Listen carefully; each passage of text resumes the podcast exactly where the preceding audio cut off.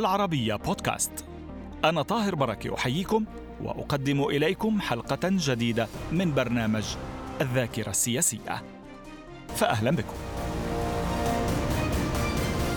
في الحلقة ما قبل الأخيرة من سلسلة مع برنامج الذاكرة السياسية يتحدث الوزير الأردني الأسبق بسام العموش عن أسباب إخراج حركة حماس من الأردن بعدما باتت تتبنى من عمان عمليات عسكرية تنفذها في إسرائيل. العموش يتطرق أيضا إلى دور الوساطة الذي لعبه بين عائلة القيادي في حماس موسى أبو مرزوق والملك حسين من أجل الإفراج عن أبو مرزوق من السجون الأمريكية بعد توقيفه مدة 21 شهرا. وقد تكللت هذه الوساطة بالنجاح حين تم الإفراج عنه وتسليمه إلى الأردن.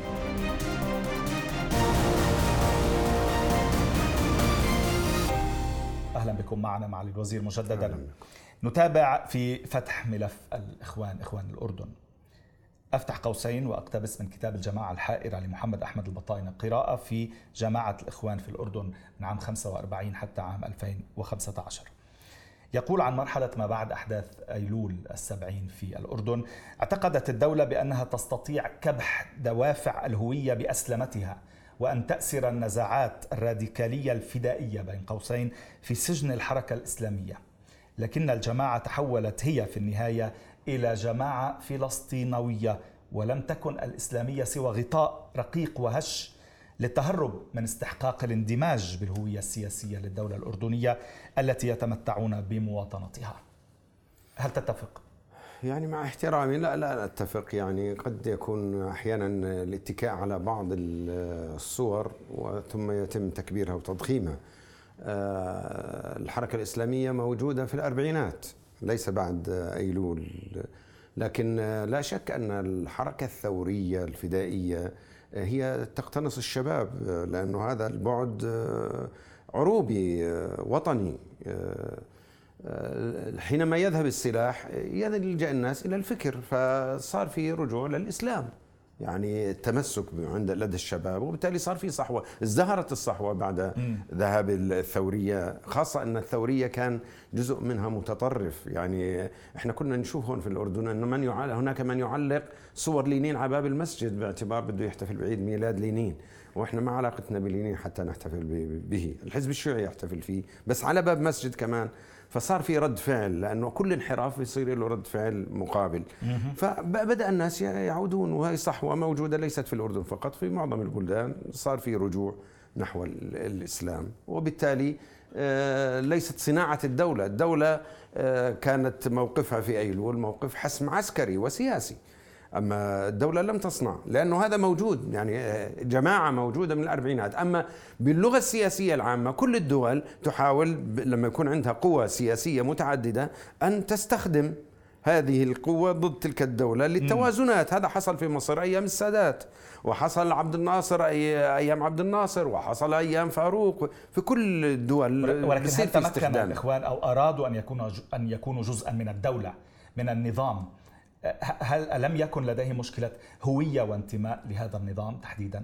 ليس هناك مشكلة الإخوان عندهم قناعة أن هذا النظام آه، من أفضل الأنظمة العربية لأنه لا يلغو في الدم وبالتالي يجدوا حريتهم في المنابر يجدوا حريتهم في الانتخابات في الخمسينات دخلوا البرلمان آه، يجدوا حريتهم في التظاهر يجدوا حريتهم في البيانات التي يصدرونها حتى النظام لا يغل في الدم معهم آه، حتى النظام لم كيف؟ يحصل في تاريخ الأردن أنه أعدم أخ مسلم مثلا أو إسلامي لم يحصل حتى لم مع يحصل. الشيوعيين حتى حتى مع الشيوعيين حتى كيف مع كيف كانوا يتعاملون معهم؟ الحبس. كان الشيوعيون يتعرضوا للحبس التحريري يتعرض للحبس لأنه يعلن انقلاب الشيوعي أممية كان يتلقى من الاتحاد السوفيتي وبده يعمل انقلاب.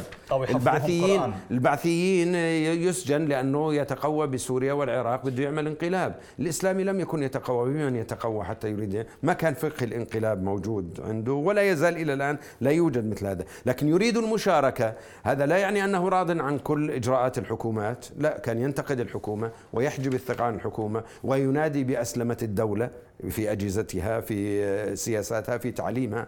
هذا كان هو النهج الموجود.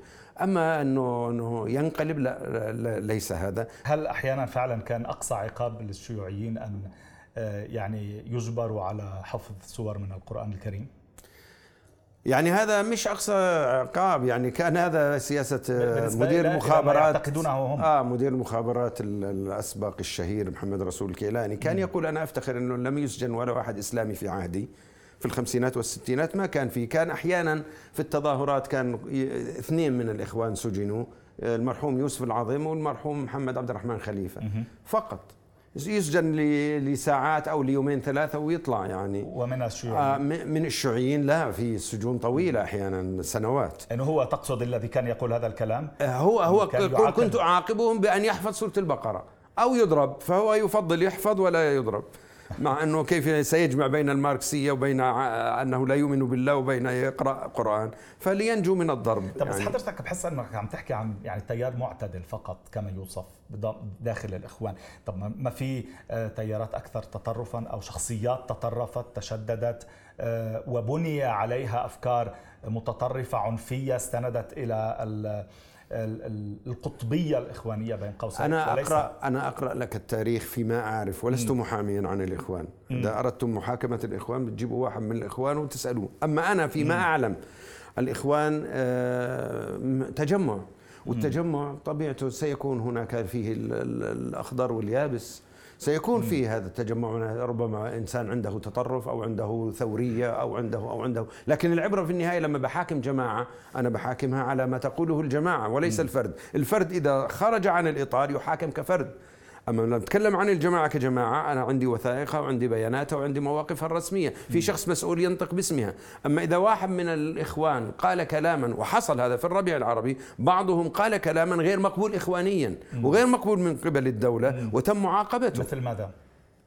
اعذرني عن الأسماء يعني حتى ما نسيء للناس يعني لا أريد أن أسمي. بعضهم كان يقول كلام ماذا؟ أي كلام؟ يعني كان أحيانا في المظاهرات في الربيع العربي يخرج واحد ويتكلم عن رأس الدولة وهذا ليس نهج الإخوان، نهج الإخوان رأس الدولة يخاطب مباشرة ليس أمام الناس فيما بينهم وبينه، وكانت اللقاءات مفتوحة.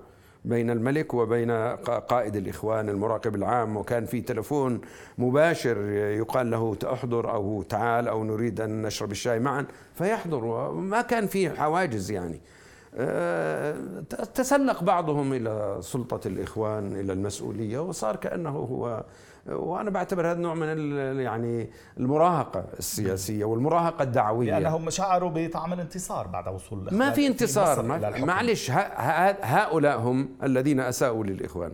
هؤلاء الذين أساءوا للإخوان ولفكر الإخوان. في فترات متأخرة أنا بقول لك بعض الأصوات العالية مع صوت العقل صارت هي التي تقرر هي التي تقود. وإحنا شعوبنا العربية شعوب عاطفية. أنت بتجد ال- الغربي آه، الإنجليزي بده يعلن حرب بحركش ايديه إحنا الواحد لو بده يحكي مع مع جاره بتلاقي بيضل يشبر بإيديه ويحكي. إحنا عندنا العاطفة وعندنا. الانفعالات غير المحسوبة. والإخوان جزء من الناس.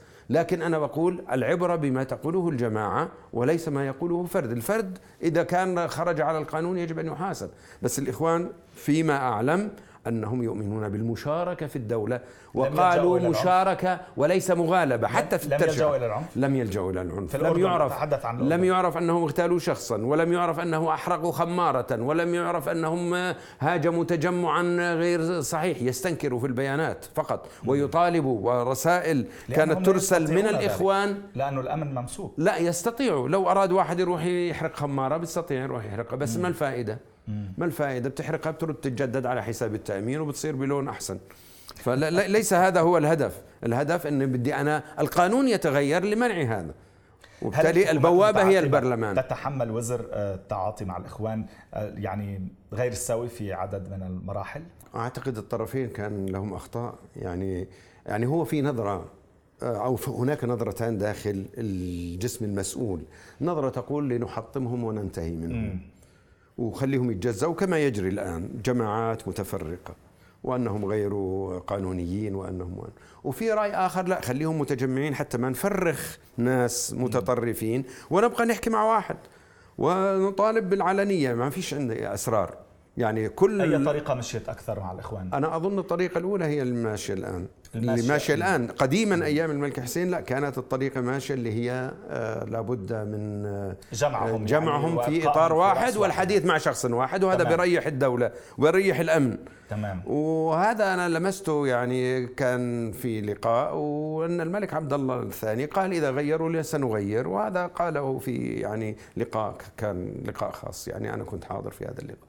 مم. لقاء من ضمن لقاءات الحوارات يعني أو محاولة لا كان في؟ لقاء في بيت دولة طاهر المصري على غداء وحضر آه، من الإخوان فقط واحد آه، المرحوم عبد اللطيف عربيات وأنا كنت من الحاضرين فتوجه في أي عام آه، في أي عام والله أنا كبرت في السن أو طب في أي عقد طيب. لا لا قبل سنوات يعني نعم. قبل سنوات فكان آه، قال الملك لعبد اللطيف عربيات قال له ما أخبار جماعتك؟ قال له يدعون لك بالخير. قال ولكن أنا أرى أنهم آه، غيروا. قال له لم نغير نحن كما كنا نتعامل مع الملك الحسين نتعامل معك. فقال لكن قبلتهم قم أصبحت. مهم. فقال لا ليس كذلك. فقال له أنا لا أريد منك جوابا آه، بلغهم. إذا غيروا سنغير.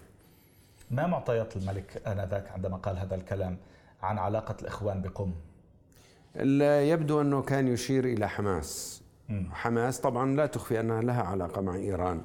أما الإخوان كإخوان فقد اصطدموا من آه، إيران يوم قال علي أكبر ولايتي عن صدام الإخوان المسلمين في سوريا مع حافظ أسد آه، سألوه فقال هؤلاء إخوان مجرمون. والإخوان الذين احتفلوا بمجيء خميني تراجعوا ونكصوا للخلف إنه إحنا يبدو أننا خدعنا. لكن تركوا لحماس آه، تقديرها لظرفها كونها حركة مقاومة ولا تجد من يدعمها فتركوها هي تتعامل مع هذا وليس الإخوان المسلمين. أه، حماس ضمن الإخوان أين كانت من الدولة الأردنية؟ حماس قبل أن يعلن عن إنشائها كانت قسم فلسطين في الإخوان المسلمين في الأردن. وكان يدخل رموز حماس الحاليون يدخلوا إلى مجلس شورى وأنا كنت عضو فيه يدخلوا يقدموا تقرير عن فلسطين. تقرير قسم فلسطين خالد مشعل موسى أبو مرزوق المرحوم إبراهيم غوشة محمد نزال يدخلوا ويقدموا التقرير ثم يخرجوا ويقدموا طلباتهم. إخوانكم في جنين في الخليل في كذا ماذا يريدون؟ يعني آه، طبعا محصور الأمر المساعدة في المجال الإعلامي والمجال المالي إذا كان في عائلات في سجين كذا. نعم. فقط لم تكن هناك آه، قضية سلاح ومقاومة. لما نشأت حماس لا يستطيع إخوان الأردن تحمل عقابيل آه، التحول إلى حركة مسلحة. فمن حق الفلسطيني أن يقاوم آه، كما قاومت فتح كما تقاوم الجبهة الشعبية في فصيل إسلامي بده يقاوم وبالتالي لهم وجود ولهم آه، مؤيدون. فأعلن عن إنشاء الحركة. إخوان الأردن آه، لغوا قسم فلسطين وتحول كل هؤلاء الأشخاص إلى حركة حماس في الداخل وفي الخارج. وما عادت هناك أوامر من إخوان الأردن لهم لأنهم هم يعني على طريقتنا في الأردن نقول بارك الله في البيت اللي بيطلع منه بيت. يعني خلص هم أهل رشد وبيستطيعوا يقرروا ونحن قانونيا لا نستطيع أن نتبنى خيار السلاح لأنه الدولة عندنا آه، لها ظروفها ولها علاقاتها ولا ولسنا نحن فصيلا مسلحا. نعم. فهكذا صارت حماس ولو أنها إخوان مسلمون لكن إخوان مسلمون في فلسطين وليسوا في الأردن. رغم إنه بعض هؤلاء يحمل الجنسية الأردنية وهذا يعني ربما لا يعيب لأنه في كثير من رجال فتح يحملوا الجنسية الأردنية.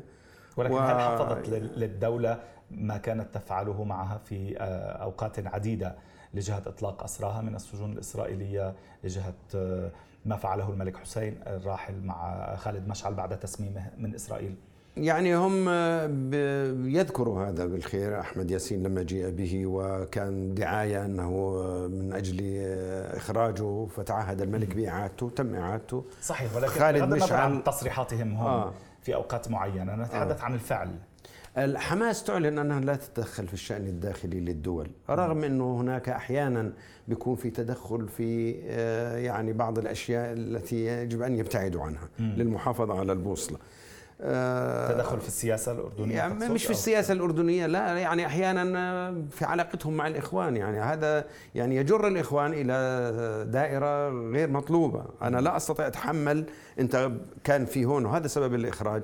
كان ي- يأتي مثلا المرحوم إبراهيم غوش يقول قامت قواتنا بعملية في القدس. طب كيف أنا أتحمل هذا في الأردن؟ أنا ما بقبل هذا. وأنت أردني وأنت مقيم في الأردن ومن الأردن تعلن. فهذا بدخل الدولة في إشكالات مع الدول وبالتالي مسؤولية. فكان هذا السبب أنه لتخرج حماس إلى أي مكان تريده وتقول ما تشاء. أو هنا لا يتم الإعلان. تبقوا هنا ولكن لا يتم الإعلان. ليعلن من سوريا النضال فسطاط الممانعة وليعلن من لبنان يعلن من أي دولة في العالم من إيران. أما ليش من, من الأردن؟ فهذا يحرج الأردن. فكان هاي بعض الأخطاء. لكن يقرون بذلك وكتبوا في هذا كان لك دور في موضوع آه، خالد مشعل؟ لا أنا كان لي دور في موضوع الإفراج عن موسى مرزوق في من الولايات المتحدة يعني كيف حصل ذلك؟ أنا أنا كنت نائب وذهبت إلى أمريكا بدعوة من المراكز الإسلامية في الكريسماس هناك بيعملوا مؤتمرات وأثناء وجودي هناك اتصل بي آه، الدكتور أحمد يوسف اللي صار مستشار لإسماعيل هنية آه، وفي أمريكا فقال لي يعني زوجة موسى أبو مرزوق هون وموسى صار له في السجن 21 شهر. ويعني تريد هي أن تقابل الملك الملك كان في العلاج الملك حسين. نعم. فقلت له والله أنا لا أعرف كيف تقابله لا أعرف عن برنامجه وليس لي سلطة في هذا لكن أنا علاقتي مع رئيس الحكومة الدكتور عبد السلام المجالي ربنا يعطيه الصحة أنا سأخبره. فأخبرته قال لي أنا كمان ليس لي علاقة أنا أخبر التشريفات الملكية. فأخبرهم اتصلوا علي قالوا إيش القصة؟ قلت لهم كذا وكذا. فقالوا الملك مريض وكذا لكن إذا أرادت هي شيء تكتبه. فأجيت حكيت لها هي وأحمد فكتبوا رسالة للملك. قلت لهم أنا باخذ الرسالة وبسلمها لكني لا أحمل رسالة دون أن أقرأها. فاطلعت عليها الرسالة يعني شطبت بعض الأشياء لأني بعرف إنه الملك حسين ما بحبش المدح كثير. يعني ولو على الخفيف بكفي يعني. فشذبنا الرسالة ووضعتها في جيبي ولما اتصلوا علي قالوا لي في الفور سيزونز موعدك مع الملك. فذهبت هناك وكان استقبلني الدكتور عبد السلام مع جلالة الملك و آه، مدير رئيس الديوان الملكي وكان الأمير حمزة فسلموا علي. ثم لما دخلنا في الداخل لم أجد أحدا إلا الملك. وحتى لما جلس الملك الملك حسين طريقته بيجلس على طرف الكرسي وبضع إيديه هيك يعني على ركبه. وأنا فكرت بدي أجلس بطريقة هيك يعني أنا مكيف إني يعني قاعد مع ملك. فعدلت جلستي مباشرة يعني هو كان حتى لما بتكلم بيقول لي يا سيدي إحنا عملنا وكذا. من سيدك؟ أنا سيدك يعني أنت ملك وأنا إنسان عادي. فكان الحقيقة لقاء سياسي بال... بامتياز لأنه كان المباشره قال لي إيش أخبار جولتك؟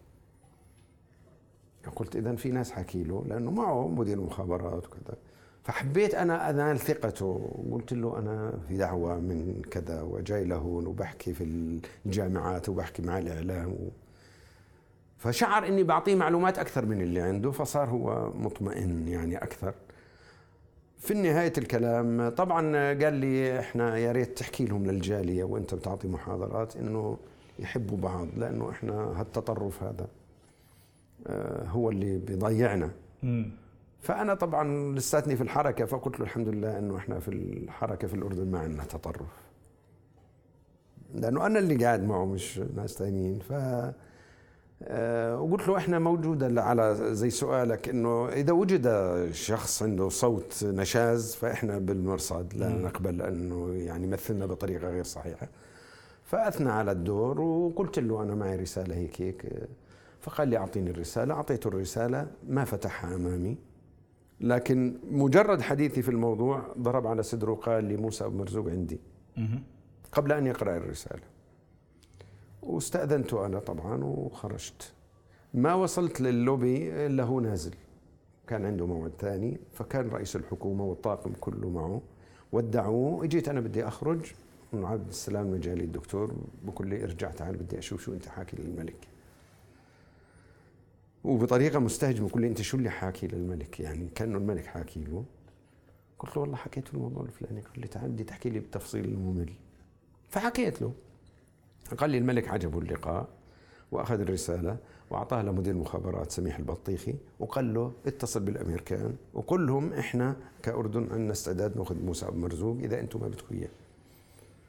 طبعا الأمريكان ما بدهم إياه لأنه هم أخذوه وكانوا بدهم يسلموه لإسرائيل، إسرائيل قالت ما بدنا اياه بيعمل لنا مشكلة وجوده. فبعد شهرين تقريبا اتصلوا علي وقالوا بأمر من جلالة الملك تعال استلم موسى بن مرزوق من مطار ماركا قلت لهم أنا بأي صفة أروح أستلمه؟ أنا مش حماس. فقال هيك أمر الملك. قلت أنا ما بروح أنا بكرة بيحكوا عني إني عميل يعني. واحد بده يستلم من الأمريكان ويسلم وقلت هاي المكتب السياسي لحماس قالوا إحنا ما بنعترف فيه. أه، قلت لهم بجيب معي نائب من نواب الحركة الإسلامية أخذت الأخ حمزة منصور رحت أنا وياه على المطار استلمنا موسى بن مرزوق وكان في الطائرة لابس أه، برتقالي والأمريكان استغربوا أنه هسه لبس بدلة و وكان في مدير مخابرات عمان قال هي تلفوناتنا إذا احتجت أي شيء بنساعدك بس روح أنت مع فلان يعني وفلان. البس بدله في الطائرة قبل أن ينزل؟ آه لما نزلت الطائرة اعطوه بدلته ونزل. فاخذنا ووديناه على المكان اللي هو كان معد يعني إنه ينام فيه. وبعديها بأسبوعين طلبونا نروح على القصر الملكي واشترطوا إنه أن تأتي زوجة موسى بن مرزوق، أنا قلت إنه هيظل الملك في باله إنه هي طلبت تقابله وما حب يقابلها وزوجها سجين وبدوش يشوفوها مكسورة. بس لما يشوفها مع زوجها يعني بشعرها إنه هو احترمها. وفعلا اجى موسى بن مرزوق وزوجته جايبين معهم طفلة فالبنت الصغيرة كانت تبكي. فالملك حسين بالعادة بيستقبل ضيفه جوا الغرفة طلع لبرا. بده يأسر موسى بن مرزوق بالأداء. فطلع لبرا وشاف البنت بتبكي حط رجله على الأرض الملك حسين على ركبه وصار يحكي مع البنت الصغيرة. بيحكي معها البنت ما بترد لأنه كان يحكي معها عربي البنت ما بتحكي عربي. فأمها قالت له هذا بتحكيش غير إنجليزي فكيف أكثر فصار يحكي معها بالانجليزي وقالت له إنه أنا حكوا لي في أميرة صغيرة بدي أشوفها وأنا ما فرجوني أميرة. فأعطى رسالة سياسية الملك قال لها أنت اول مرة بتيجي عندنا لما تيجي المرة الجاي راح نكون لبسناها مشان تلعبي أنت وياها. كلام زي أشبه بالحارات ولكنه له مرامي سياسية. جلسنا وتحدثوا حديث يعني متبادل عن دور الأردن في القضية الفلسطينية والظروف الدولية واللي ساقتنا نحو السلام و يعني فيها صيغة بيانية. وكيف كان أداء موسى أبو مرزوق في اللقاء؟ أنا بالنسبة لي ما أعجبني بعض الألفاظ. يعني شوف إحنا الإسلاميين عموما ما عندنا ثقافة البروتوكولات. يعني يجب أن نحترم البروتوكول. يعني الرسول عليه السلام لما بعث رسائل للملوك والزعماء قال عظيم الروم. فكان هو يقول حكيت لياسر قلت لياسر الملك ما كان يعجبه هذا. يعني ياسر عرفات؟ ياسر عرفات. المفروض تقول الرئيس الفلسطيني ياسر عرفات. أما أنت عاجبك ومش عاجبك خبيه لك فالملك كان هيك يمتعض وبيبين على وجهه. آه لما اللقاء على كان على وشك أن ينتهي آه أنا حبيت لأنه كان في أمريكا اتصل علي محمد الذهبي مدير مكتب سبيح البطيخي وقال لي الباشا بده يحكي معك. فحكى معي على الفندق قال لي هذا إذا اجى على الأردن وين بده يروح؟ قلت له مش مهم وين يروح المهم إنه يطلع من السجن. قال لي إحنا في الأردن ما بدنا إياه. قلت له أنا بتكفل استلمه من المطار وأطلعه برا الأردن. فلما صارت القصة أمام الملك قلت خليني أطرح الموضوع على الملك. فقلت له جلالة الملك الأخ موسى اجى هون. زوجته وهي بنته بس في أطفاله لسه في أمريكا. فييجوا على الأردن ولا يروحوا محل ثاني؟ حبيت يعني. فالملك إيش بده يحكي يعني؟ قال بالعكس بلد بلدهم خليهم يجوا هون. ودعناه وطلعنا. لحقنا سميح البطيخي وقال لي أنت ورطتنا. ذبحتنا يعني. إحنا بنقول لك يطلعوا برا. قلت له ما هذا ملك بأمرك وبأمرني. فما دام هو بيحكي هيك خلص يعني. أنت ما عليك مسؤولية. شكرا جزيلا لمشاركتك معنا في هذه الحلقات. نتابع في بداية الحلقة المقبلة مع الوزير. نتابع في بداية الحلقة المقبلة مع السياسي الأردني الوزير والسفير والنائب الأسبق دكتور بسام لأموش thank you